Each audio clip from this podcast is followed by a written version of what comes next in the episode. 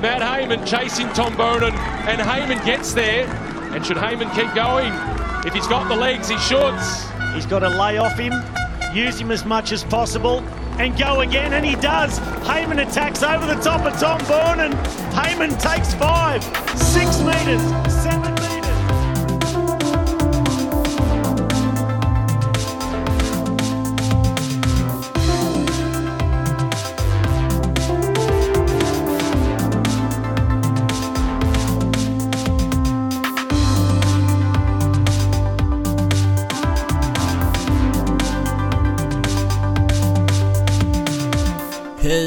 varmt välkomna till Cykelwebben-poddens 33 avsnitt. Det är nio färre än vad Mario Cipollini har vunnit etapper i Giro d'Italia. Och eh, idag sitter jag helt ensam här i Cykelwebben-poddens studion därför att Niklas Hasslum, var är du någonstans? Hej Daniel! Jag är Hej. i Brasilien. Det har väl inte undgått någon? Nej. Till och med lagt upp videos där jag står och kickar en boll här. Jag har anammat kulturen. Ja, man tar seden dit man kommer, eller som man säger på engelska, when så. in Rome. Exakt så. Eh, jag har ju spelat fotboll förut. Jag, jag blev imponerad. Ja. ja du har inte Ja, sett mig jag spela blev fotboll imponerad va? av dina skills. Mm. Nej. Eh, hur är läget? Ja men det är bra. Jag, eh, det är ju betydligt kallare där jag är, så jag, och jag har heller inte spelat fotboll sen vi sågs senast. Nej Men okej. eh, jag har kommit igång hyggligt med träningen tycker jag. Mm. Nu när du är borta och inte kan störa min motivation, den är på topp. Ja, härligt. jag har både hängt på gymmet och eh, suttit på mina rullar och min eh, ganska nyinskaffade smart trainer. Okej. Mm, jag varierar ju nu lite grann mellan rullar och smart trainer. Det som är lite jobbigt med det här är ju att jag har lagt... Det är ju dyrt med en smart trainer och jag har ju Ja. köpt en ganska dyr smart trainer. Just det. Men jag märker ju att jag fortfarande föredrar mina gammaldags och relativt då billiga rullar. Jaha. Har du lite ångest för det nu? Att du har lagt ut mycket. Nej, pengar? nej, nej, nej, nej. Jag tycker fortfarande att det är kul därför att jag kör ju en del eh, Swift. Kanske känner till den här virtuella träningsappen. I've heard about it, I've heard about it. Ja. Men racear du? Ja, jag har raceat lite grann och när man racear Swift då, då gör man det allra bäst på en eh, smart trainer. Det, det vidhåller jag. Jag har ju Ja. testat att racea på mina rullar också men det har ju lett till att jag har kört av dem några gånger. Okej, jag trodde du skulle säga att du blivit avhängd.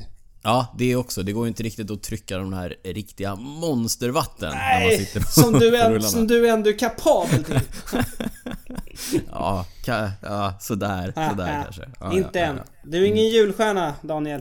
Du kommer framåt eh, april-maj. Ja, vi hoppas på det och håller tummarna. Du, på tal om julstjärnor och sådär. Du har ju kämpat lite med motivationen. Ja, jag sa det i Hur, förra eh, avsnittet. Ja, men hur går det nu då? Jag, Jo, ja, men det har du gjort annat än spelat bo- fotboll? Ja, jag har faktiskt eh, tränat ganska mycket här. Mm. Eh, Men det är spännande det där med motivation. För det går inte alltid hand i hand med hur mycket man tränar. För du Nej. vet, ja, men jag tränade ganska mycket innan jag åkte. Men Mm. jag fick verkligen liksom släpa ut mig på passen. Ja, Men- men det är disciplinerat ändå. Ja, det är bra. Det är, Mm. och, men det som är skönt då, och det har jag lärt mig genom åren, att det där vänder ju efter ett tag med motivationen. Och gärna när man tränar mycket. Eh, Mm. Så plötsligt så börjar man liksom känna att, ja, istället för att man nästan försöker hitta eh, bortförklaringar till att inte träna någon dag, när motivationen då är på topp, Ja. då försöker man istället liksom rodda just för att Även om det är tight med tid någon dag så försöker man ändå få till träningspassen. Eh, och det är jäkligt skönt när mot- motivationen är på topp för då, då blir det ju så. Och där är jag nu faktiskt. Härligt! Eh, så jag, ja, riktigt peppad nu alltså. Jag har kört eh, väldigt, väldigt mycket här nere. Ja, eh, vad roligt. Men eh, baksidan, Ja. en av baksidorna med att vara här. Det är ju att det är ju verkligen jättevarmt. Jag är ju Mm. in, vad säger man? Norra Brasilien, ganska högt Mm. upp. Eh, några mil under Natal och det är ju Det är ju inte under 30 grader någon dag eh, på dygnet. Men du säger att det är som baksidan. Jag sitter och tittar på min termometer här. Jo, jo, jag vet. Men man, man får, jag tänker att man får liksom utgå från vart man är. Jag, jag förstår att det, det låter lite drygt här när jag sitter och klagar på värmen och du Ja. sitter i, vad har du, minus? Minus tre. Minus tre, okej. ja. Eh, men eh, en, ett problem som man kan ha när man, när man är i varmare länder och ska träna är ju att det är ganska svårt att köra hårt. För... eh, Det här vet jag att vi pratade om i somras när vi hade en sån här värmebölja utan dess like Ja, även ja, just här hemma just i. Sverige. Ja. Kommer du ihåg att jag fick avbryta ett träningspass för att det var så varmt? Ja, just det! Du körde ditt klassiska runt Älta va? Visst var det så? Mm, exakt. Ja, jag kommer ihåg. Jag kom inte ens halvvägs. Nej. Eh, nej men för jag körde en del innan jag åkte hit. Och sen så har jag liksom sprungit, för jag springer mest nu. Så har jag sprungit i samma tempo här. Men då plötsligt ligger pulsen ja, nästan 20-25 slag högre. Så att även de lugna passen här blir ju ganska jobbiga. Men så då tänkte jag, aha, det här är ganska spännande. Jag hör av mig till Mattias Räck. Ja, ja, ja. Ja, eh, träningsgurun. Eh, Ja, våran, våran träningsguru. Ja, proffstränare i Trek och eh, har även det här Guided Heroes. Men så jag frågade Precis. lite, eftersom pulsen är ganska hög hela tiden, innebär det då att liksom hjärtat får, får mer träning? Liksom, kommer jag vara Men, ännu lä- stark? men så här, på lägre ansträngningsnivå. Ja, eller i alla fall springa liksom, trots att jag inte springer lika snabbt. Ja. Och just det här lite om med, liksom, vad händer med kroppen i, eh, i värme. Och jag kan säga att eh, Mattias är ju väldigt bra på att förklara. Och han, är, han sitter inne på så sjukt mycket info. Så det blev en ganska spännande eh, liten konversation. Men framförallt så tar det ju, nu har jag varit här i snart Ja men två veckor. Och det är ungefär det det tar för kroppen att liksom anpassa sig till, till värme. Och det är därför vi ser, ja men du vet de här racen som körs i värme. Vad ska vi ta? Tour Down Under. Ja, det var ju värmebölja där också nu. Ja. De åker ner mm, två, tre veckor innan just för att anpassa sig. Om man verkligen vill göra ett bra resultat. Och anledningen till att man får betydligt högre puls, jag tror det är väl säkert ganska många utav våra lyssnare som också har upplevt samma grej när man är på varmare breddgrader. Det är ju för att kroppen jobbar, får jobba ännu hårdare för att kyla ner. eh, eh, Men sen är det också när det är varmt svettas man mer, man får lättare till vätskebrist vilk- vilket också gör att man får eh, högre puls. Så, så hjärtat får, får verkligen jobba. Och det ser man ju på de här racen i, eh, ja men till exempel Australien. Du vet de sitter och värmer upp med fläkt. De sitter med någon sån här, du vet en kylväst. ja, men precis. Eh, De sitter och kä- Ja, och så sitter de också och käkar sån här slush. Det var någon slags eh, glassliknande grej. Slush puppy. Ja. ja. Eh, Men just, då kan man tänka så här. Ja, de, de är ju så deffade så här. Sitter de och käkar ja glass? vilka, vilka, vilka, precis, vilka godisgrisar. Ja, nej men det, ja. det är för att man har sett att, att kyla kroppen inifrån liksom ger extra bra effekt. Så därför trycker man i sig något så här iskallt. Mm. Ja, rätt spännande faktiskt. Ja, spännande. Så det betyder att man på träningslägret, på toppen av den där backen, då kan man sätta sig ner och ta den där glassen med gott samvete. Exakt! Ja, bra. Mm. Det, ska, det ska jag ta med mig. Ja, eh, och det var lite spännande. Mattias var ju innan i Sunweb där Tom Dumoulin körde. Eh, och då hade de gjort, eh, de hade faktiskt gjort tester då på eh, när han skulle köra full gas. Och så tittade de liksom om han var eh, nedkyld innan då, om han hade gjort det här med fläkt eh, och västen och slush. Mot att han liksom hade värmt upp vanligt. Och just det här med värme, det är, det är svårt att liksom skydda sig mot. För efter 15 minuter, då hade liksom... Det var ingen effekt kvar av själva nedkylningen. Så det är ju rätt... eh, Det går rätt snabbt liksom när det är varmt. Ja, det måste jag säga. Men 15 minuter är ju ändå 15 minuter Mm. och i ett tempolopp så är det... Jag kan tänka mig att på den nivån så gör det skillnad. Ja, verkligen. Eh, Men min fråga var ju egentligen till Mattias om... Kommer jag liksom... Att jag har krigat mig igenom alla passen här nere. Att jag ändå har gett mig ut så här. Kommer jag få någon liksom extra boost? Eller har liksom... Ja. Har jag egentligen bara, du vet, sprungit för sakta? Och kämpat på men ja... Jag har inte tränat tillräckligt hårt. Eh, och då är det faktiskt så, det, det här visste inte jag. Att man får väldigt bra träning av så kallad, inom citationstecken, heat training då. Eh, för man får en ökad effektivitet eh, när det gäller svettningen. Man får ökad blodvolym, vilket också faktiskt ökar syreupptaget något. Ja. Eh, så, är, så det, och nu kommer vi till det allra mest spännande. Så även om det inte är på samma sätt så finns det tankar på att man kan byta ut höghöjdsträning mot eh, då så kallad heat training. När du säger så kallad heat training, är det samma sak som värmeträning? Det är det. Men Matti, Mattias säger heat training så jag säger heat training. Ja, jag förstår. Det är billigare och ändå lite av sam, samma effekter liksom. Så att, eh, ja. Man kan säga att jag har varit på höghöjdsläger. Spännande, men eh, värmeläge då alltså. Och så räknar man att du nu då kommer komma hem i, i toppform. Ja, och el- med både formen och motivationen på topp. Precis. Eh, men när jag ändå hade Mattias på tråden. Mm. Han är ju tränare i Trek. Just det. Och, och som vi snackade om i senaste avsnittet, vi snackade övergångar. Trek har värvat Richie Port. Just det, vår lilla favorit eh, australiensare. Ja, med betoning på lilla. Ja, Han vann ju här på Willanga Hill för sjätte året i rad. Och det är ju ganska imponerande. Så då Det tänkte jag, Mattias kanske sitter inne på lite info. Ja, det, Willanga Hill är ju en del av eh, den så kallade kungaetappen på Tour Down Under. Men Niklas, innan jag låter dig sprida den här spännande informationen som jag antar att du har fått ifrån Mattias angående Richie Port Ja, och hans eh, prestation där så eh, passar vi på att säga att ni hittar oss alltid på cykelwebben.se. Jag och Niklas kan ni också följa i eh, lite sociala kanaler. Niklas hittas enklast på Twitter där han heter cyclingnico. Jag finns på Instagram och heter @drytz. Och eh, om ni vill mejla oss så mejla oss gärna på info.cykelwebben.se Och på cykelwebben.se så hittar ni också alltid, precis som vanligt, ett inlägg som, där vi eh, lägger in lite bilder och länkar och så vidare till sånt som vi pratar om i avsnittet. man kan följa avsnittet i realtid. Man kan sitta och läsa Ja. samtidigt, så ja, det, det blir som en multimedial upplevelse. Ja, Du Niklas, kommer du ihåg att vi förra avsnittet hade en fin, fin eh, sponsor? det gör jag. Det var Sensa och de hade också ett fint erbjudande. Precis, och eh, låt mig återkomma alldeles strax till det där erbjudandet därför att det här avsnittet presenteras också tillsammans med Sensa och sensabikes.se. Vi berättade ju förra veckan att det är kvalitetscyklar ifrån Holland. Bra. Vi berättade också att de är prisvärda och att man kan custombygga dem direkt på hemsidan. Vad vi däremot inte sa då, det är att Även om cyklarna säljs på nätet så är servicen högst personlig. Det är nämligen så att när du har lagt en order så hör Per som driver sensabikes.se av sig till dig som kund för att se till att allt har blivit rätt. Eh, Det är också så att de sista justeringarna innan du får hem din Sensahoj görs här i Sverige av sensabikes.se. Så eh, man kan kalla det för personlig näthandel kanske?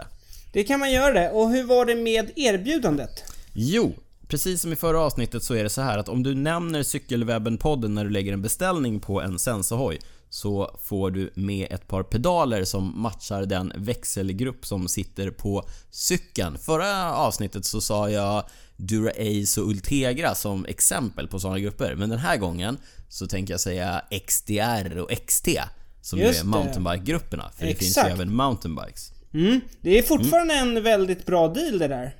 Ja, det är en superbra deal. Så eh, gå genast in på sensabikes.se och eh, klicka runt där och se om du kan hitta just din drömhoj. Och om det är så att du lägger en order så kommer alltså Per att höra av sig och se till att allting har blivit rätt vad gäller storlekar och eh, prylar och sådär. Så kan man känna sig trygg med det. Yes! Då tycker jag att vi går in på Tour Down Under. Ja men låt oss, nu ska du få hälla siffror över oss. Mm, men jag tänker vi börjar med... eh, För, för innan herrarna så var, hade ju damerna sin eh, tävling. Det som skiljer lite herrarna mot damerna, det är ju att på herrsidan så är det ju en World Tour tävling. Det är det ju faktiskt inte på damsidan. Nej. Vilket gör att eh, de, alla, alla de bästa lagen är ju inte där. Däremot så är ju Mitchelton Scott där. Vi snackade om dem ganska mycket när vi pratade australiensiska mästerskapen. Och Ja. eh, de dominerade ganska klart här på, eh, på Under och eh, var både etta och två i totalen. Amanda Spratt vann för eh, lagkamraten Lucy Kennedy. Amanda Spratt vann Under för tredje gången i rad. Eh, Det är bra jobbat. Det är ju alltid svårt att vinna en cykeltävling och vinna samma cykeltävling tre gånger i rad. Det är jättesvårt. Ja, verkligen. En rolig grej som jag sa, Mattias Räck, ehm, han jobbar ju för Trek. Han är också ganska involverad i deras damlag nu och da, deras damlag, de vann faktiskt den första etappen och det var ju deras första tävling så ganska bra start för Trek. Det var deras 19-åriga italienska cyklist Letizia Paternoster. Jag tror jag fick till uttalet. namn. Ja, det är ett härligt namn. Hon är också en duktig bancyklist. Vi pratar alltid om att vi gillar crossover-cyklisterna. Ja, så på damsidan, Mitchelton Scott, stor dominans. Det kan man ju faktiskt säga att det var på herrsidan också eftersom Daryl Impey för först, första gången i historien var det någon som försvarade sin Tour Down Under-titel. Och det gjorde han. Han vann i år igen. Sydafrikanen. Som är ganska mångsidig som cyklist måste man ändå säga. Kan spurta, kan eh, klättra hyfsat och ja, är imponerande. Lite eh, underskattad, ändå, ändå en stor stjärna men eh, ja, han är bättre än vad jag tror många tänker sig, Daryl Impey. Ja, ja verkligen. Sen tror jag för sig att han satsar ganska mycket på den här tävlingen också. Eh, han ville ju verkligen försvara. Det som jag tycker är lite spännande med Tour Down Under. Vi var inne i det på att Richie Port han vann för sjätte året i rad på Willanga Hill. Men jag tror bara han har vunnit en Tour Down Under på de här sex gångerna. Och det är Under, det avgörs ju ganska mycket på bonussekunder. Vilket gör att Richie då inte har vunnit. Och där är ju å andra sidan Daryl Impey bra för att han, han är ju ganska spurtsnabb så han är ju långt framme på några andra etapper då och plockar bonussekunder. Och sen så hänger han på så gott det går Richie upp för Willonga Hill som du sa är kungaetappen. Precis, så där som, som eh, det här med, jag sa ju att, eh, eller du sa att Amanda Spratt har vunnit eh, totalen tredje året i rad, det är bra men sex gånger i rad alltså har Richie Port vunnit den här etappen. Ja, precis. Det är sjukt imponerande. Men Och- du, vi brukar ju prata om julstjärnor du och jag. Ja, Eh, och Richie Port vinner alltså, han är alltså i stor form nu i januari. Det här är en cyklist som har sina absolut största mål för året och som också får sitt kontrakt av Trek som jag gissar är värt några miljoner därför att han ska vara så bra som möjligt i juli. i juli. Ja, precis. Du menar Tour de France. Exakt, precis. Och inte då på kanske Willonga Hill som även om det är en fin seger och det är häftigt att han vunnit sex år i rad, det kanske inte är det mest prestigefyllda racet att vinna. Nej, nej så är det inte. Även om han är australiensare och så. Men det där... Du är inte den första som har liksom... Uppmärksammat det här. Nej, precis. Det- det- det är inte en unik flera, spaning. flera som, som har tagit upp det tidigare att det blir en väldigt, väldigt lång säsong för honom. För han har ju dragit igång, alltså för att vara i toppform nu, då har han ju varit igång en två, två och en halv månad kanske och ändå tränat ganska hårt. Så att, som du säger, det blir, det blir lång säsong för honom och Sen, sen om det, om det är en av anledningarna till att han inte har vunnit Tour de France Det låter jag vara osagt. Sen har han ju en förmåga att typ vurpa eller ja. Han, rå- han råkar ut för lite missöden. Jag såg ju en sån här rolig meme på Just det. internet. Ja, där, där man ser Richie springa in i ett eh, brinnande hus för att rädda en av två, ett av två eh, barn, det är inte barn, men det är ett av två, en av två någonting. Ja. Eh, där den ena är eh, att vinna på Willunga Hill, han kan bara ta med sig en. Och den andra är att göra ett resultat på touren. Och sen ser man honom komma utspringandes med segern på Willunga Hill. Eh, vi, vi jobbar mycket med det här beskrivande formatet i Cykelwebben-podden. Vet- vet Vi vad lägger vi upp den här göra? bilden på Exakt. cykelwebben.se. Vi kan lägga upp den. Mm. men innan vi lämnar Willonga Hill så tycker jag faktiskt att vi ska skicka en liten tanke till Paddy Bevin. Cyklisten i CCC-stallet som... Eh, Den tempostarka irländaren. Ja, precis. Det är deras första tävling. Han gick med i utbrytning första dagen. Tog massa bonussekunder. Sen vann han en etapp. Så att han ledde ju tävlingen inför Willanga Hill. Men etappen innan, då vurpade han ju ganska ordentligt. Så att han fick... Han han hade ingen som helst möjlighet att hänga på när de körde upp för Willanga Hill. Så... Ja, man trodde att han, skulle kraschade vinna. på näst sista etappen men lyckades ändå ta sig i mål och behålla tröjan. Men sista etappen då var han ju, han var ju för allvarligt eh, skadad för att kunna Ja. vara slagkraftig. Ja, lite, lite tråkigt för honom och för CCC-stallet som hade fått en kanonstart. För han hade ju förmodligen, med tanke på vilka ben han hade så hade han förmodligen vunnit det där. Nästa gång, bättre lycka nästa gång. Ja, precis. Och en, innan vi lämnar det helt. En spännande grej. Jag gillar ju unga cyklister. Och Jasper Philipsen. En ung belgare, 20 bast, som kör för UAE-teamet. Även kallat Abu Dhabi-teamet. Eh, han, han vann den femte etappen. Eller han var tvåa, men eh, Caleb Ewan blev deklasserad efter att ha kört några sådana här... eh, Vad säger man? Headbutts säger man på Headbus, engelska. dansk skalle i farten i 60 km i timmen i spurten. Ja. Tre stycken på raken. Eh, Även det kan vi lägga upp på cykelwebben.se. Caleb Ewan tyckte att det var fel att han blev deklasserad. Jag vet inte, det Va? kändes inte helt, helt säkert faktiskt. Känns lite läskigt. Men, men spännande. En ung belgare som ändå väljer ett, ett lag som inte är Belgien. Eh, och det verkar ju hittills ha gått bra. Tog sin första seger. Men en spännande grej. Han kommer från Mol i Belgien. Vet du vem som är född där? Ja. Såklart du vet. Tom Bonen. Tom Bonen. Eh, Micke. Ja, och eh, Jasper Philipsen är ju en lite av en eh, klassikeråkare så att... Det är det nya, svårt. det är arvtagaren från Mol kan man kalla honom. Man, vet, det är väldigt tidigt att säga men vinna sin första World Tour-tävling som 20-åring. Ja, komma men- från samma stad som Tom Bonen. Jag tyckte ändå vi skulle nämna det. Ja, bra. Vi får se om du har rätt. Du, en grej till. Vi fick ju en, en eh, lyssnarfråga om eh, Tobias Ludvigsson, svensken som kör i FDJ-stallet. Han var ju och tävlade i eh, Tour Down Under. Frågan löd hur bra är Ludde i år? Och svaret är att än så länge ser det ganska lovande ut. Han satt med långt framme på de etapperna som var lite hårdare, det vill säga att han orkade han hade ben nog att eh, ta sig med över i, eh, liksom högt upp i klungan. Ja. Och det är bra. Han slutade 31 i totalen. Det är verkligen, det är helt okej. Mm.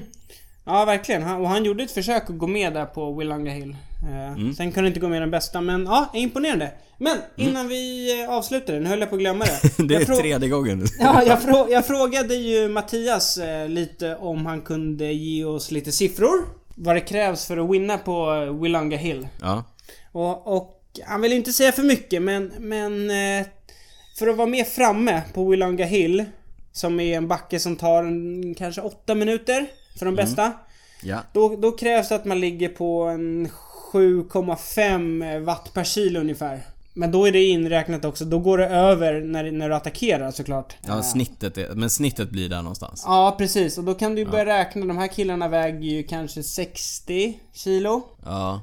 Så då kan man ju räkna Men jag tycker att det, det är mer intressant att ni där hemma som har wattmätare och som kör med det där och har lite koll på er egna kapacitet och sådär. Ta de där 7,5 kilona och så multiplicerar ni det med er eh, kroppsvikt. Mm. Och sen så sätter ni er på er smarta trainer eller monark eller utecykel och så försöker ni hålla det i 8 minuter. Ja, och sen men glöm inte då att du ska attackera en två, tre gånger så att du kanske går en 200 watt över det också. Ja. Men eh, försök hålla det i 2 minuter, säger jag. Eh, Ja, det, se- det är det går. så sjukt. Ja, är imponerande. Ska vi, eh, vi... Nu avslutar vi det här till slut Ja, då. nu- nu har- Eh, nu har är det inget mer. Nu stänger Nu vi böckerna för Ja. I år. Och vad som vi också kanske stänger böckerna för är den, eh, är väl CX-säsongen, alltså cykelcross-säsongen som håller på att eh, komma till sitt eh, slut. De, sen vi sände senast så har de svenska mästerskapen i disciplinen gått av stapeln. Och precis som vi väl, eller våra favoriter levererade kan man säga. Ja, vi hade rätt med tippningen den här gången. Mm. David Eriksson ifrån eh, RTV Cycling vann på herrsidan före Emil Lindgren den äldre från Ja. Allebike som gjorde ett eh, numera ganska sällsynt inhopp i eh, cykelcrossdisciplinen och på tredje plats eh, Henrik Jansson också från RTV Cycling. Emil Lindgren den yngre vann eh, U23-klassen.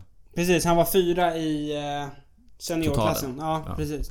Eh, Emil som numera kör för eh, ryska posten. På damsidan så vann Ida Erngren från Uppsala före Åsa Erlandsson och Ida Johansson. Och eh, innan vi liksom wrappar upp hela CX-säsongen så ska ju en ganska stor tävling gå av stapeln i vårt södra grannland Danmark. Ja, det är ju VM i Mm. Bogense, säger man så? Du som hänger ganska mycket i. Danmark. Ja, nej, min danska är under all kritik så att vi säger Bogense. Och Mm. eh, det är en eh, tuff bana där... eh, Den har vi sett, de har kört för-VM där. Det gjorde de Ja. förra året. Det var en tuff bana. Eh, van der Poel, Mathieu får väl stå som storfavorit, eller vad säger du? Eh, jag vet inte om man kan bli så mycket större favorit än vad han är. Nej. Med tanke på alla vinster han har tagit i år. Men så här såg det ju lite ut förra året också. Och sen gick ändå Wout van Aert och vann. Mm. Han cyklade och vann. Men nu, nu är väl känslan ändå att van der Poel är lite bättre. Och van Aert är inte riktigt på samma nivå, eller? Ja, jag håller med. Han, det har, ju inte... Förra året var det ju en del... Det var ju mycket dueller de två emellan där kanske van der Poel gick segrande ur, men i år har han ju varit fullkomligt överlägsen. Ja, så det skulle förvåna mig mycket om det faktiskt inte blir Mathieu van der Poel som vinner. Annars är väl den enda utmanaren till de två är Ton Arts kanske. Mm. Men jag har svårt att se att faktiskt någon annan ska ta det än Mathieu van der Poel. Men på damsidan är det ju betydligt öppnare. Ja, vi har sett inhopp ifrån mountainbike-stjärnan som nu också ska köra lite landsväg med Trekstallet och som då också passar på att köra lite cykelcross, Jolanda Neff. Just det. Eh, Marianne Foss som är bäst på cirka allt. Eh, Exakt. hon är ju också med och kör. Sanne Kant, Katie Compton som är mer cross-specialister. Och sen har vi ju några bubblare som vi också har pratat om ganska mycket i, här i podden. Eh, Ann-Marie Forst och eh, Celine del Carmen Alvarado som vann eh, senaste världscuptävlingen, eller hur? Ja, ja i... Eh, ja, det var vid det där eh, universitetet va? Bryssel va? Just det, just det. Och eh, sist så ska vi väl också nämna Denise Betsema. Så att där, eh, damtävlingen ser ju ut att på pappret i alla fall kunna bli mer spännande än herrracet. Och eh, båda de här går alltså av stapeln eh, nästa helg i Danmark, första helgen i februari. Ja. Vi har lite svenska på plats va? Ja, du får rabbla dem om du vill. Ja, i här Elit så har vi David Eriksson och Henrik Jansson från Art V. På damsidan har vi Ida Erngren. Ja. U20 U23-klassen Emil Lindgren och eh, Jonathan Östlund. Och i damernas U23-klass kör Ida Johansson. Och sen har vi då herr junior där vi har Elias Nilsson från Cykloteket, Lukas Rörfors från Cykloteket och Oskar Lind från Uddevalla CK. Ja, ändå en eh, ansenlig trupp att eh, Ja. skicka ner. Vi håller tummarna och ser om någon av dem kan ta sig en bit upp i resultatlistorna. Mm. Vi går vidare. För, Till eh, mindre sportsliga nyheter. Ja, men ack så viktiga nyheter. Ja, låt höra. ja, eh, det var ju World Tour-laget Astana. Mm, De det är kazakstanska. Kazak- Ja, precis. De eh, släppte ju en rap-video här i veckan. Mm. Som eh, mottogs eh, med, ja vad ska man säga? Jag skulle säga förtjusning av hela internet. O... Odelat positivt. Ja, det är, eh, det var ju deras eh, belgiska cyklist Laurens de Freyser. Jag vet inte om han eh, har en liten förkärlek för hiphop, men han eh, rappade i alla fall och Och det som ska sägas är att det är en ganska bra produktion. De har gjort en, en video. Ja, det är, det är en ganska seriös satsning. Ja, de har fått med sig bland annat Vinokurov står där med någon slags guldkedja och... Ja, Alexander Vinokurov som är general manager, tidigare olympiska mästaren och eh, storcyklisten. Och eh, lurig. Och lurig. Man, som jag, jag sa ju till dig innan här, man kan säga att han gav gangsterrap en, en, en ny innebörd. Ja, eh, men vi kommer såklart lägga upp en video på det här. Men det, det finns eh, en sak som etsat sig fast. Det är han när eh, Laurens de Fraser rappar Lusenko on the cobbles, champagne bottles. ja, är fantastisk video. Alla, alla måste verkligen gå in och kolla på den här. Ja, vi lägger upp eh, naturligtvis länk. Men du, på tal om eh, cobbles, alltså kullersten. I eh, häromdagen så fick vi veta vilka team det är som har fått wildcard till eh, Paris-Roubaix. Alltså vilka lag som inte är World Tour-lag men som ändå har fått eh, inbjudan att köra en av de här stora tävlingarna. Just det. Och då kan ju folk undra varför är det så intressant? Mm. Men det är ju intressant för att vi har ju pratat om en eh, gammal stilikon som du har sett upp lite till. Kan man ändå En säga. av mina gamla absoluta favoriter, Andrea Taffi. Mm, numera 50 år va? Ja, han vann ju Paris-Roubaix för eh, 20 år sedan och eh, har eh, snackat vitt och brett om att nu är det dags för comeback. Ja, Men han verkar eh, kämpa lite för att, för att få hitta ett lag ja. Men jag läste någonstans nu att han har hittat ett lag men att han kommer eh, tillkännage det om, om någon månad. Därför tycker vi att det är intressant att de här eh, lagen då, det är Pro Continental lag som, som får de här wildcardsen. Precis som du sa så, alla World Tour-lag får ju automatiskt en inbjudan och de är ju fulla. Han kommer inte köra i ett World Tour-lag utan kommer han köra så är det i något av de här Pro Continental-stallen. Så du tänker att genom uteslutningsmetoden så kan vi sluta oss till att Andrea Taffi, om han kommer att köra Paris-Roubaix, så kommer han antingen att göra det i Cofidis, Arkea Samsic, Direct Energy, Delco Marseille Provence, Vital Concept B&B Hotels, Rompot Charles eller Wanty Gobert. Ja! Ja, hängde ni med i eh, upprabblingen av de stallen där? Då tippar jag på Delco Marseille. Ja, det är du inte ensam om. Det är väl där de flesta har lagt sina bett.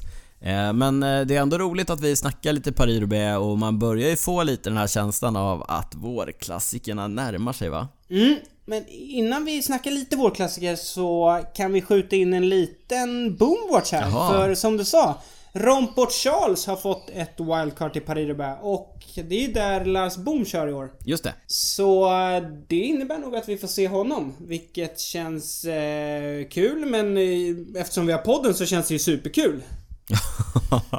Då, vi kommer att ha ett litet förstoringsglas på just Lars Bohm under paris Men du som sagt, eh, det närmar sig med stormsteg och den 2 mars så är det dags för eh, omlopp Het Neuesblad som är den klassiska säsongsöppnaren och dagen efter så är det dags för Kurne Bryssel Kurne och eh, sen är det igång kan man väl säga. Så att Ja. eh, en eh, dryg månad, sen smäller det. Ja, då är det som vi brukar säga de riktiga tävlingarna. Även om det faktiskt är igång nu. Men nej, det ska bli spännande att se. Klassikersäsongen är ju lite av vår favorit va? Ja, det får man ändå säga. På tal om klassikersäsongen och på tal om någon som har haft det som favorit i alla fall. I, eh, under Tour Down Under som vi ju pratade om alldeles, alldeles nyss.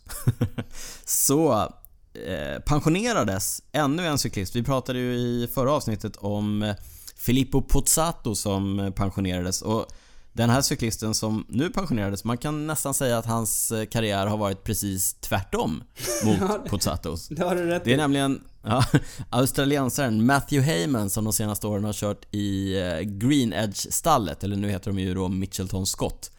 Eh, Heyman har varit proffs i nästan 20 år och eh, avslutade alltså sin karriär. Och varför jag säger att hans karriär har varit tvärtom mot Potatos, det är att allas vår Pippo började ju sin karriär lite grann med buller och bång och var lovande och gjorde också fina resultat där i början. Men sen hörde man ju inte så mycket av honom. Nej, han var ju man, där, men... Man ja, såg honom mest bara när han eh, posade för foton innan tävlingar. Exakt. Matthew Heyman däremot, han inledde ju sin karriär med att vara i princip helt anonym i 15 år. Däremot så var han ju en oerhört uppskattad hjälpryttare och han har kört i lag som Rabobank och i Team Sky och eh, nu då på de sista åren för eh, Orica Green Edge i olika former. Men 2016 då, efter att han hade varit proffs i 16 år, så gick han ju och vann eh, Paris-Roubaix. ja, Och det är ju en minnesvärd se- eh, ja verkligen. Framförallt med tanke på att han hade väl brutit armen några veckor innan. Ja, bara fem veckor innan. Och det här är Ja. ju en sån, det är en sån story som eh, Swift gärna spinner rätt mycket på. Därför att han körde ju egentligen alla sina träningspass under de här fem veckorna med bruten arm då på just Swift innan han hoppade på sin hoj och körde Paris-Roubaix. Ja, det går om man vill. Det finns ju bilder på när han sitter, han har ställt upp någon sån här liten stege i sitt garage och så har han handen som är då, eller armbågen som är gipsad som ligger uppe på en stege och så sitter han och trampar liksom och håller i styret med en hand. Ja, Ja, det är motiverande att se de där bilderna. Då, ja, ja nej, coolt. Ja men verkligen, och och en annan sak som jag tycker också är... Det, jag tycker att det är, det är rörande att se den där eh, Paris avslutningen Jag tittade på den idag när jag satt och körde på mina, mina rullar. Eh, helt oväntat. Men, men eh, det som också är, är fint att se det är att nu när han då pensionerade sig så är det ju jätte, jättemånga av de här engelskspråkiga proffsen i klungan som har kommit ut och eh, tackat honom för allting som han har gjort för dem under tiden. Så de har varit proffs. Han har ju varit lite av en eh, storebror verkar det som för många av de eh, proffsen som har eh, kommit in i klungan och han har tagit hand om och eh, lite grann eh, lärt dem hur man, hur man gör helt Ja, enkelt. verkligen. Precis, det är det man har sett. Han verkar varit otroligt omtyckt och många som önskar honom lycka till i framtiden. Precis, och framtiden innebär ju att han går in i en roll som eh, sportdirektör i Okej. Mitchelton eh, Scott. Okej, det, Så att, det hade jag eh, missat. Nej, så nu kommer han sitta i bilen och fortsätta att ge råd och guida nya unga cyklister till förhoppningsvis då stordåd. Mm. Men jätteroligt, vi igen, vi lägger upp den, jag lägger upp den videon på cykelwebben.se De Yes. har ju en jättebra egen produktionsteam, eh, Mitchelton Scott, där de gör sina backstage passes. Mm. På tal om skador när man cyklar och sådär. Vi eh, vill skicka en hälsning till Thomas Åström som är en duktig eh, svensk veterancyklist. Tävlar mycket i tempo bland annat. Han kraschade illa på Gran Canaria där han var på träningsläger och ligger så vitt jag vet fortfarande på sjukhus på den spanska ön. Verkar ha varit en riktigt rejäl krasch. Han har slagit sig ordentligt och eh, har eh, opererats där för eh, diverse problem. Det är brutna revben och punkterade lungor. Sånt som jag också har haft lite erfarenhet på sista tiden. Nu Ja. klarade jag mig i eh, jämförelse lindrigt undan och Thomas verkar ha eh, haft det betydligt tuffare än vad jag hade. Så att vi skickar en varm eh, krya på dig hälsning till Thomas och hoppas att han snart kan få komma hem till nära och kära här i Sverige. Och vi hoppas naturligtvis också att få se honom på cykeln så småningom. Ja, och en sak jag tycker man kan tänka på med den här grejen, det är ju att när man ska dra iväg, det är ju att se över sina försäkringar. Så att man har koll på det, även om det är en jäkligt tråkig grej att rodda i innan. Verkligen. Så är det ju ändå värt att faktiskt kolla upp vad som gäller och så. Ifall, Verkligen. ifall olyckan skulle vara framme så här. Precis, om olyckan är framme, håll koll på vad som gäller med era försäkringar och håll koll på eh, vad man kan ta sig till när man är utomlands och någon, om eh, olyckan skulle vara framme. En annan sak som jag skulle vilja säga, och jag har ju följt det här, eh, Thomas bloggar ju en del och jag har följt det på bloggen. Det verkar ju som att vi cyklister, även om vi då är konkurrenter på tävlingsbanan, så när, tävling, när nummerlappen är av så är vi ändå som en enda stor familj som tar hand om varandra. Så att må- det är många svenskar nere på ön. Det verkar vara många som har varit och eh, hälsat på honom för att eh, lite grann så här, bara ta hand om och visa att eh, man bryr sig. Jättefint att se tycker jag konkurrenter som eh, av tävlingsbanan ändå är kompisar. Ja, sånt där gör mig glad i hjärtat när Ja. folk, folk tar sig tid. Det Och är ändå ja, hälsar på. Ja, härligt att se. Härligt att se och som sagt eh, krya på dig Thomas och vi hoppas som sagt på att se dig i bättre form och på cykeln förr eller senare. Ja, då eh, tycker jag att eh, du ska få skina lite i podden Daniel. tack, tack Niklas. Tack för att du lägger upp den Ja. för mig. Ja. Känn ingen Eh. press. Nej, någonting som eh, skiner är ju eh, putsad aluminium. Mm. Jag försöker mig på en övergång här. Ja, snyggt. Ja, och varför pratar jag om aluminium? Jo, Peter Sagan, känner du till honom? Ja, en, en rolig sak. Han fyller år idag. Nej, är det sant? Ja, vet du hur mycket han fyller? Eh, 28. 29. Ah, nära. Ja, det känns också rätt sjukt att han faktiskt är 29. Jag tänker att Ja. han är 24 typ. jag tänker att han, är, han har varit med ganska länge så jag Ja, tänkte han nästan har att varit lite med men ja. Ja. ja, hur som helst. Peter Sagan är ju en, kon, en trollkonstnär på cykeln. Och eh, nu när han var och körde Tour Down Under i Australien så hade hans eh, cykelsponsor Specialized tagit fram en eh, specialhoj till honom som han körde det här... Eh, det går ju ett GP-lopp, alltså ett criterium, dagen Mm. innan eh, själva Tour Down Under börjar. Och då hade de satt ihop en Allé Sprint disk. Och det som är lite speciellt med den är ju att det är en aluminiumhoj va? Mm, som han raceade på där. Ja, precis. Och det, de, det är ju ett... Nu ska vi vara, nu ska vi vara raka och tydliga Nu ska vi vara är- cyniska här. Ja, nu ska vi vara cyniska. Det är ju uppenbart ett PR-trick ifrån Specialized för att visa på att så här, kolla man kan visst racea på aluminium. Såklart. Såklart. Eh, Men man kan ju faktiskt racea på, på aluminium. Det är ett eh, ypperligt material att bygga cyklar av. Men Ja. det är lite roligt att de, att de bygger, upp, bygger upp den för att han ska köra det här eh, GP-loppet på. Därför att det finns ju ett begrepp i, eh, främst i USA kanske, som är så här eh, crit bike. Ja. Alltså criterium bike. Just för att i GP-lopp, de är ju lite mer, det är lite mer eh, tight racing kan man säga. Lite Så vanskligt. så är lite mer vanliga i... Ja, lite vanskligt. Vanligt med krascher. Vanligt att man då kanske kör sönder sin eh, hoj. Mm. Och då kanske man inte vill köra ett GP-lopp med sin svindyra kolfiberhoj. Nej. Och då är det många som alltså har byggt upp en, en typ en, en då, som vi just sa, en crit bike som är lite mer en, eh, en billigare, racigare maskin som man kan vara lite mer oförsiktig med kanske. Just det. Och då försöker ju nu då, det här har ju varit ett begrepp i lite mindre kretsar. Min, min cyniska tanke när jag såg att de hade byggt upp den här eh, aluhojen till Sagan var att nu vill de sprida det här critbike-konceptet globalt så att de kan kränga en till cykel till alla tävlingscyklister som också kör GPn. Men oavsett det, den eh, såg ju rätt eh, nice ut med eh, skivbromsar och högprofilhjul som för övrigt också hade tubeless däck. Så att de slänger på allt de vill få ut där, de goda PR-människorna på Specialized. Ja, men ändå spännande tycker jag. Eller jag tycker det är kul att ändå proffsen visar på att det funkar ju faktiskt också att köra på Att det aluminium. faktiskt funkar. Mm, även, om, även om vi alltid säger att det såklart funkar. Men det är bra när proffsen ändå kan visa på det. Precis, man eh, put your money where your mouth is som man brukar säga. Nästa grej som jag faktiskt fick eh, tips av från en lyssnare, så tack till Pauli Sastamoinen för det. Leomo, som är ett elektronikföretag som har tagit fram en produkt som, eh, vad ska man säga att det är? Det är som en eh, vindtunnel slash biomekanisk analysgrej som man kan använda på cykeln när man är ute och cyklar för att testa olika positioner och så vidare. Den består av fem olika sensorer som man sätter på olika ställen på kroppen Okej? och en dator som samlar in data ifrån de här eh, sensorerna. Och sen kan man då efteråt analysera hur effektiv man är i olika sittställningar. Okej.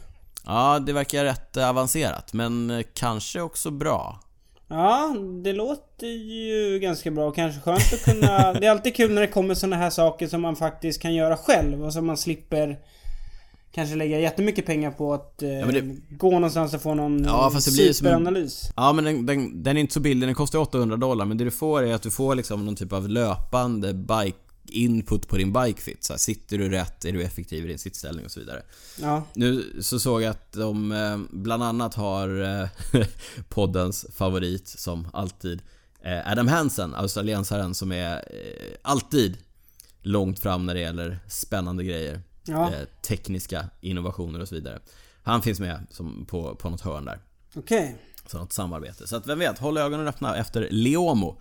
Se om de kommer dyka upp eh, mer här framöver. En annan grej, vi pratade här tidigare om... eh, Jag pratade om rullar och smart trainers va? Mm. Om man vill ha liksom det bästa av båda världar. Men i ett jättestort paket. Ett stort paket från tomten. ja, eh, en generös tomte också. Ja. Ja, då kanske man ska köpa ett Tax Magnum. Okej, vad det är. Det hör ju att det är stort bara på namnet. Magnum. Ja, det låter mäktigt. Ja, vet du vad det är? Det är ett rullband som du kan träna på. Alltså, Alltså, ganska typ- som ett löpband, men, men större. Så du kan cykla på det. Alltså det är ett löpband fast för För cyklister. cykel. Precis. Okej. Ja, det är, egentligen, det är egentligen det enda vi behöver säga om det. Det är ett löpband för cy- cyklister. Och du sa, du sa att tomten skulle vara generös. Ja, för det kostar nämligen eh, i, i, i runda slängar eh, 8500 europeiska pengar. Det är ganska mycket. Ja, det är jättemycket. Det är nästan 100 000 kronor. Mm. Mm. Ja. Vad, men, men det är ju intressant, det kan ju, du vet, det är höj och sänkbart så att du, du får eh, känslan av att klättra när du klättrar och Ja. sådär. Så du får vinkel. Naturligtvis också eh, olika hastigheter. Mm. Du kan såklart koppla ihop det med Swift och andra, andra träningsappar. Och den enda som jag har sett faktiskt använder det här, förutom en del eh, journalister som jag har test, sett testa det, det är Edvald Boasson Hagen. Edvald! Edvald, norrmannen. Så att när han inte går på tur eller åker skidor så här på vinterträningen, Ja. då sitter han på sitt eh, Tax Magnum och kör. Okej. Mm, Ja. Och jag, jag har sett att han, han är ganska flitig, så jag har sett att han eh, kör i sådär sex timmar då och då på det här eh, Tax Magnum. Oj! Mm, det är ändå ganska idogt. Jag kan inte ens tänka mig hur det skulle vara att cykla på en trainer i sex timmar. Nej men det blir ju inte riktigt samma sak för att cykeln är ju fri så att du kan stå upp och sitta ner och sådär men, men ändå. Sex timmar det- utan ja. att komma någonstans. Men eh, å andra sidan, han är proffs. Du och jag är inte proffs. Nej, det kanske är det som behövs. Sex Ja. timmar på trainen. Eller en Magnum. Eller ett Tax Magnum. Ja, vi får se. Får se om jag hittar eh, 8500 euro liggandes här någonstans i studion.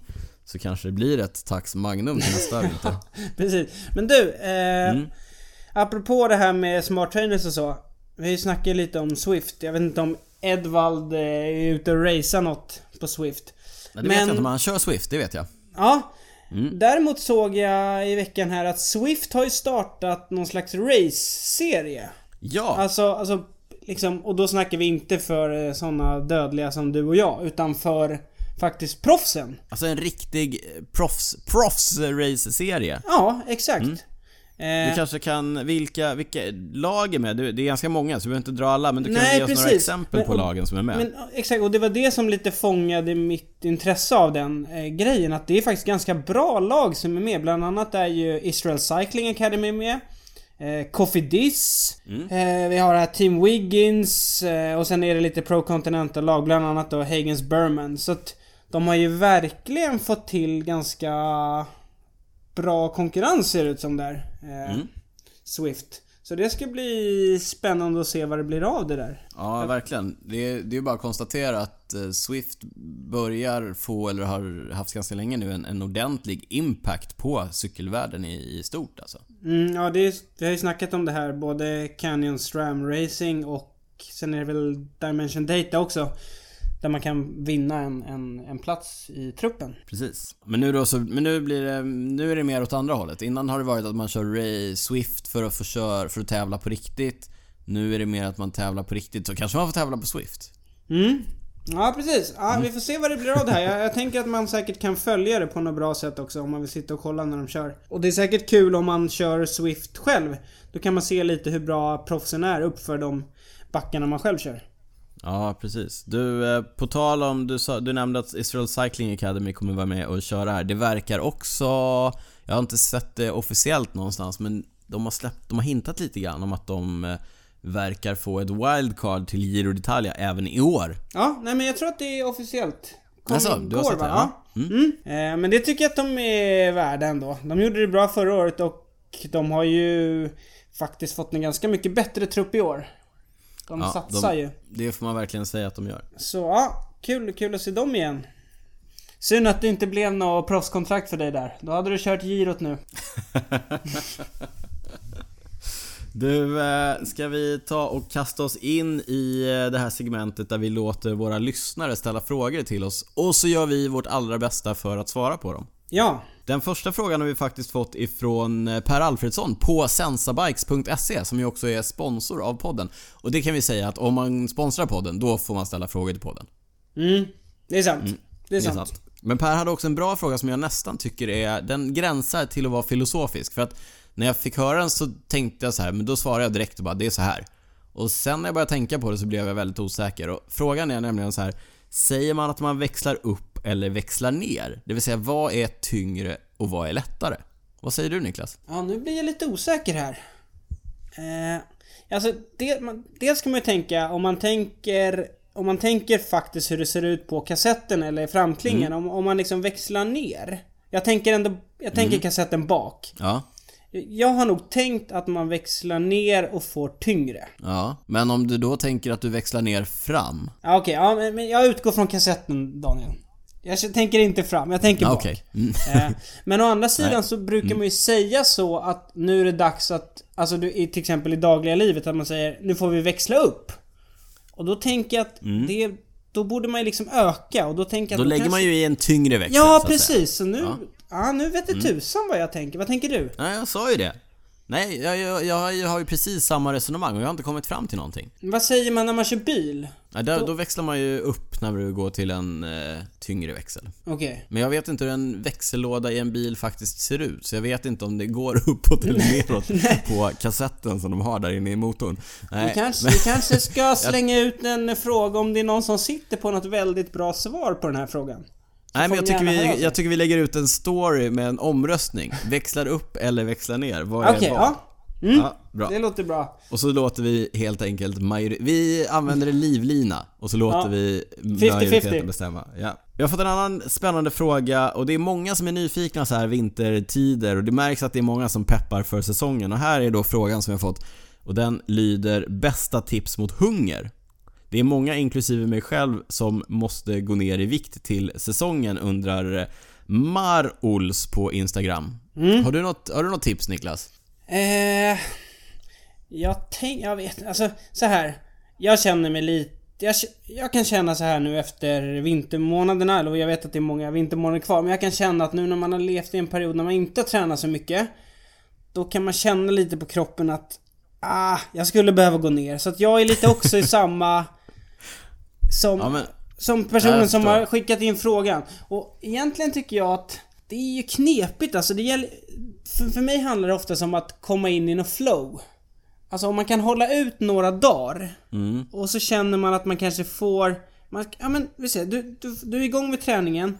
Du käkar nyttigt i några dagar. Käkar lite mindre portioner. Och sen så kanske du ser, efter någon vecka ser du lite resultat. Mm. Då tycker jag alltid att det är lättare Då får man liksom motivation att fortsätta. Mm. Mm, men Okej, jag har ja. inget liksom, jag kanske inte har något klockrent tips på just i stunden när du känner att Ah, nu är jag superhungrig. Nu borde jag inte äta, men jag vill verkligen äta. Okej, här kommer mitt tips. Det är lite tråkigt kanske. Men för mig, för mig är det så här. Innan så har jag varit så här, åh nu ska jag späka mig själv och köra distans i fem timmar utan att äta någonting och eh, bara, drick, bara dricka vatten och så här.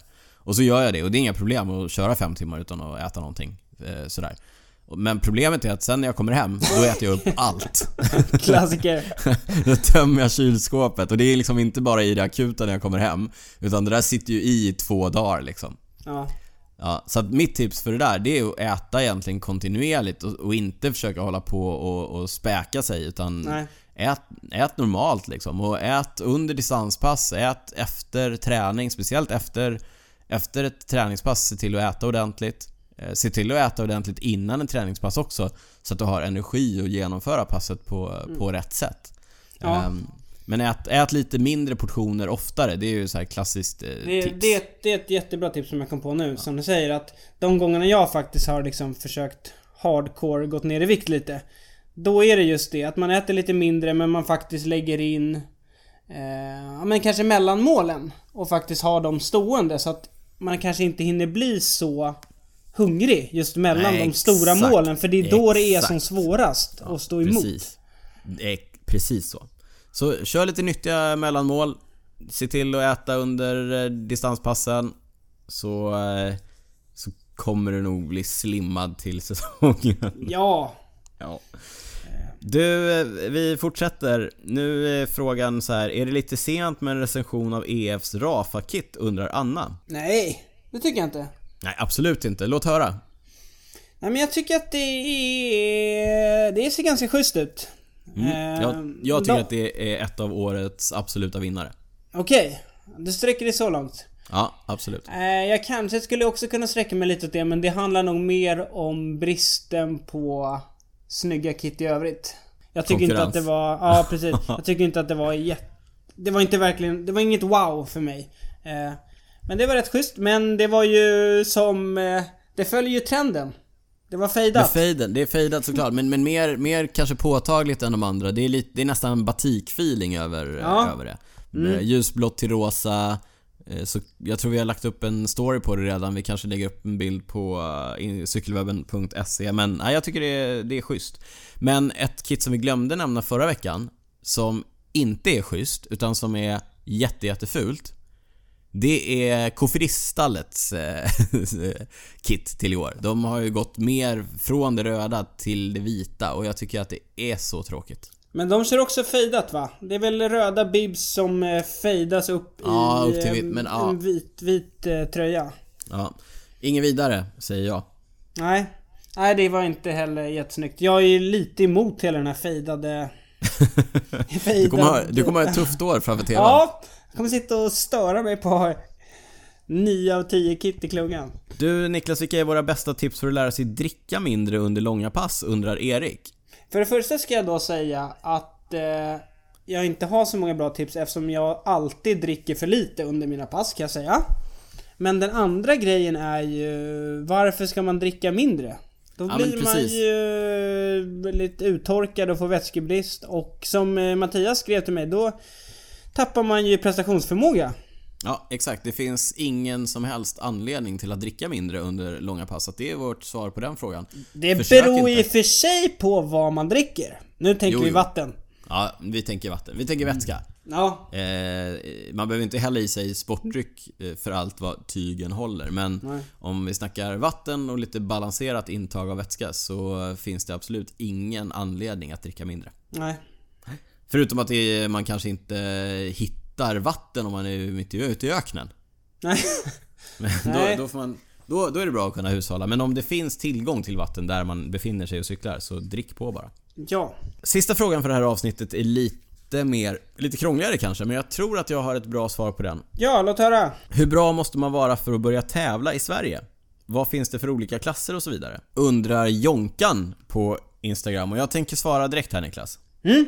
Mm. Jag tycker att man ska börja tävla så fort man känner sig nyfiken på det. Det enda man måste vara okej på, det är att cykla i grupp. Att Ja. känna sig bekväm med att cykla i klunga och att känna till lite grann hur man cyklar i klunga och så vidare. Ja. Ja men det, det är ett, ett bra svar. Sen finns det lite olika klasser och rent generellt ser det ut som att det är Elit, där eliten kör.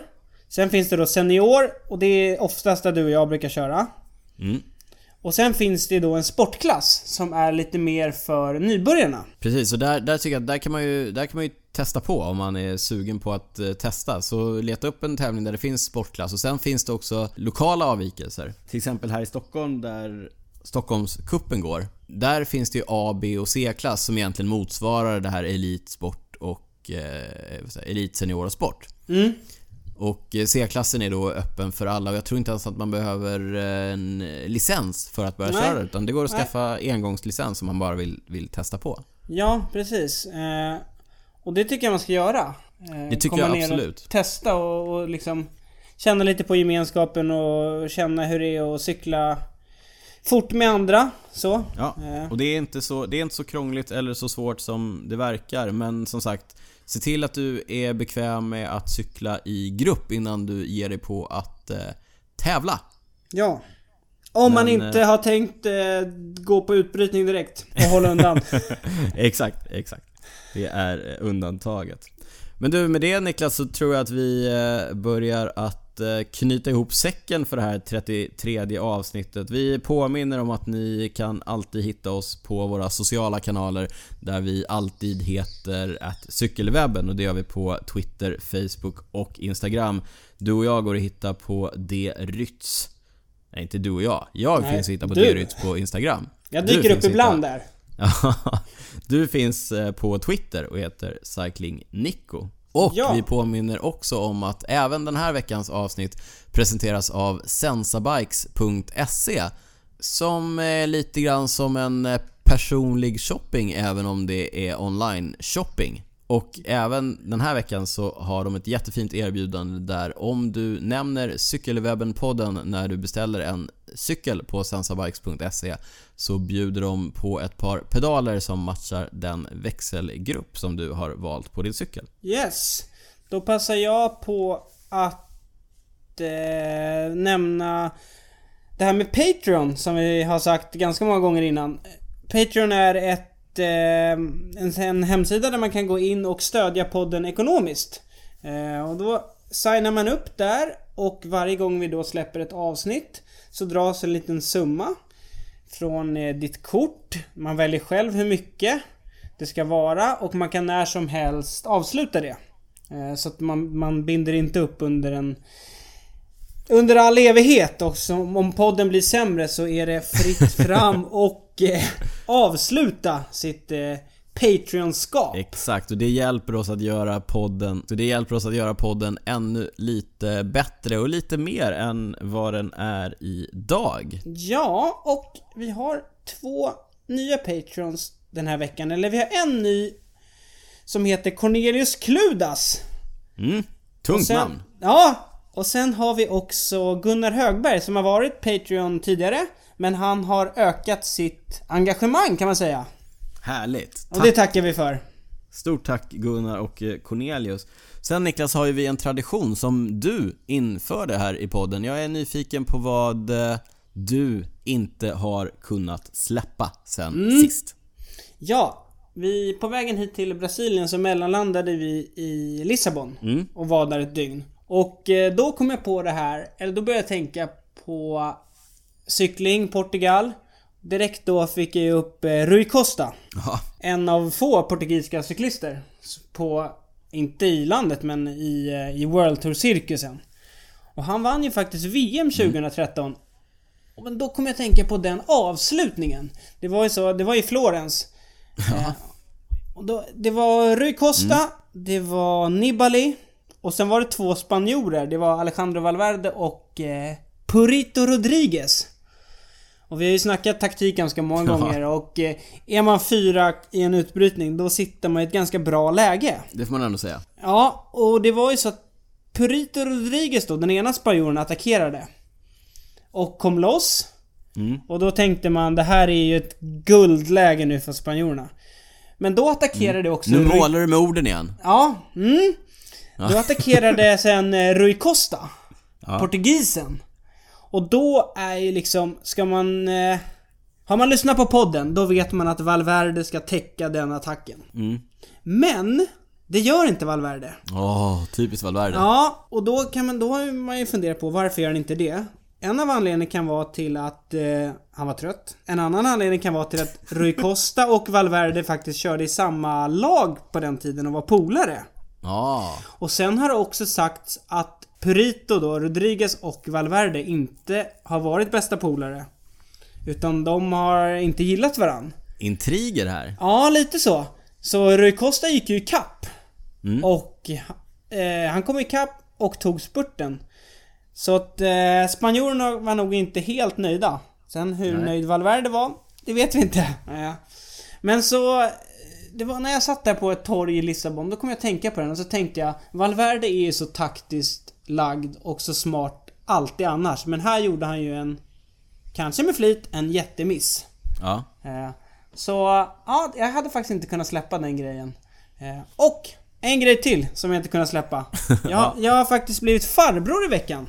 Oj! Ja, Grattis! ja, så jag skickar ett stort grattis till min bror Anders och hans tjej Linda. Härligt! Eh, Stort eh, grattis! Ja, Härligt, och till deras lilla tjej. Supergrattis. Kul att eh, din son nu har en kusin som han Ja! kunna hänga med. Ja. Ja, jätteroligt. Vad har du inte kunnat släppa? ja, eh, två grejer. Den första är att vi var ute och, och körde distans här förra helgen. Två helger Mm. sedan. Två helger sedan. Då blev vi, det är ju inte direkt ovanligt, omkörda lite aggressivt av en dude i en eh, SUV. Han tutade och höll på. Det förvånar mig inte att det var en dude och det förvånar mig inte att det var en SUV. Nej.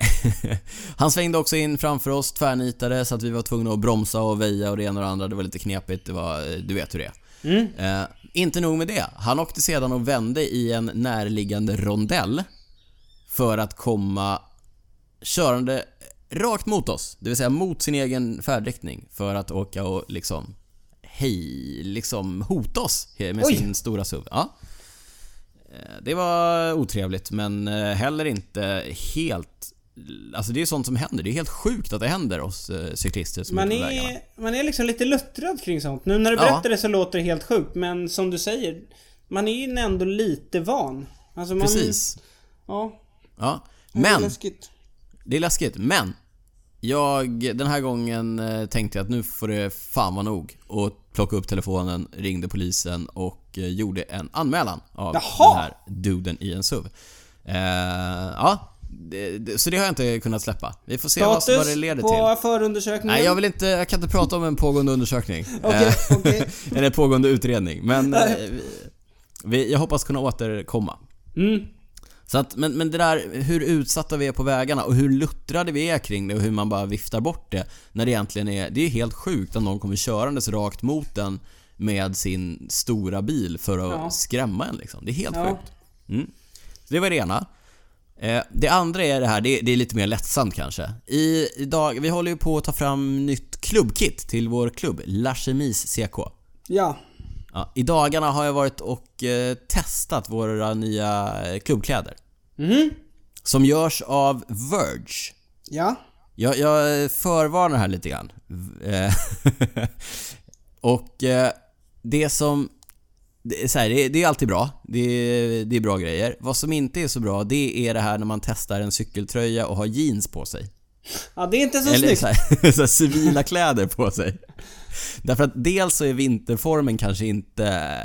Ah, jag kanske inte är i superform liksom. Nej. Och det här med att man inte har ett par cykelbyxor på sig som på något sätt ändå hjälper till att, att sätta hur man ser ut i cykelkläder. Ja. Utan det blir någon blandning mellan eh, det civila och det sportiga. Ja, som inte alltid är, det är inte alltid så smickrande. Nej. Mm. Eh, det har jag... det har jag haft svårt att släppa. Ja, nej. Det och sen kan det vara att ibland får man låna ett par bibs, men då har man inte raka benen. Nej, exakt. Och Nej, så precis. Då, då har man orakade ben och så kanske man har några kilo för mycket. Så Ja, men det det- gör inte heller saken bättre. Nej. Nej men också det här att så här, ja men i, det, det är ju så otroligt kontextuellt cykelmode. Mm. Så att när man, när man provar de här kläderna när man ändå är i sitt civila mode på något sätt.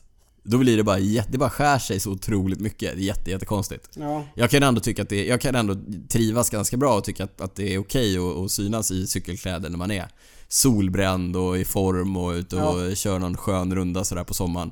Men att stå i ett eh, omkläd, ett så här provrum med skarp belysning i slutet av januari. Där Nej. föredrar jag att ha annat på mig än cykelkläder. Ja, det är svårt att se hur man kommer se ut i maj, juni, juli. Ja, precis. Ja, så, ja, verkligen så. Men låt oss hoppas att jag kommer se bättre ut än vad jag tyckte att jag gjorde i det där eh, Jag, prov. jag är ganska säker på att du kommer göra det. Tack Niklas.